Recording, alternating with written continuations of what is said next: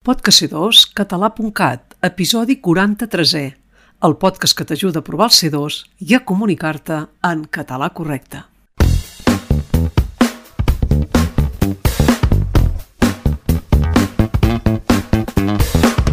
Benvingut i benvinguda a aquest podcast adreçat a tothom que estigui preparant-se per a l'examen de C2 i a tots els que vulguin conèixer i usar correctament la nostra llengua.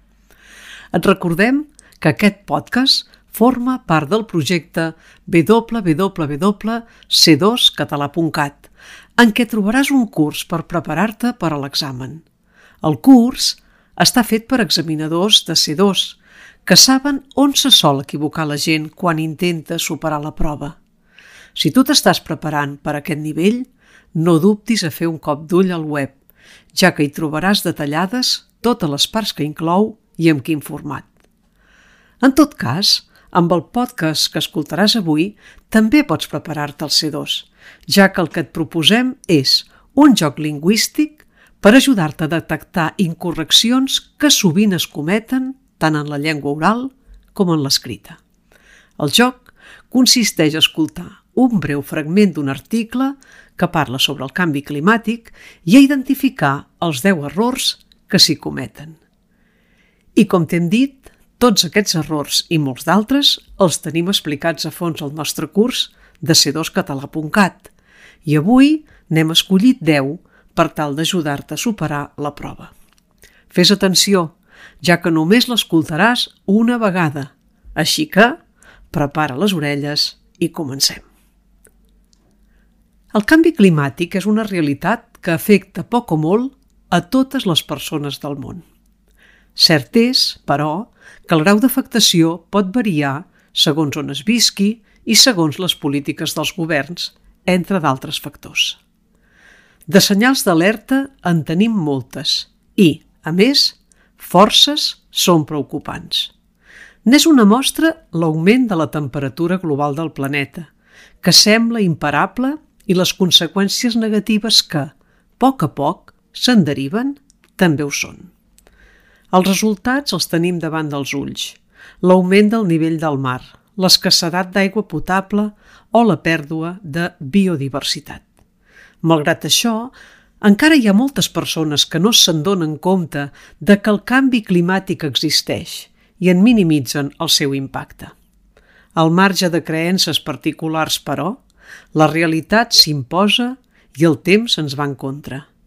Hem de prendre mesures urgents i útils per reduir la nostra empremta de carboni i mitigar-lo. En quant a quin és el responsable, podem dir que, en més o menys grau, tots plegats, i per tant, tothom pot contribuir a la millora. Una forma d'ajudar a revertir els efectes del canvi climàtic és a les nostres mans i consisteix a adoptar pràctiques sostenibles en el nostre dia a dia, com ara utilitzar medis de transport alternatius, reduir el consum d'energia a casa, canviar els nostres hàbits alimentaris i reciclar.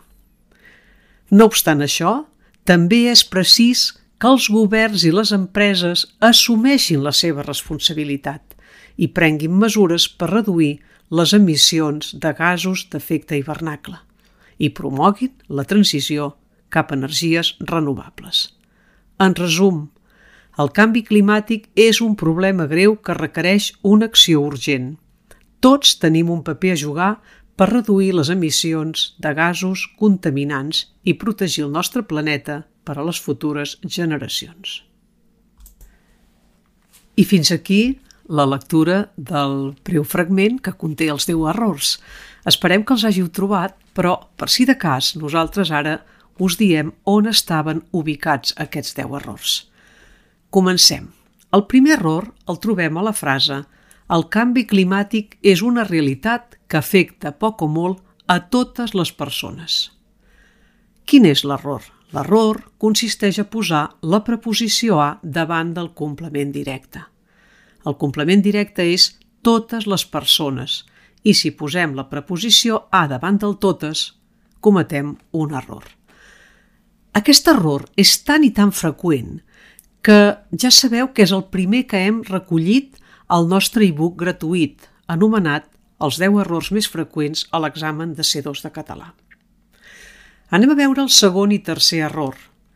El segon i el tercer error el trobem a la frase de senyals d'alerta en tenim moltes i, a més, forces són preocupants. On són els errors? El segon error és a la paraula moltes.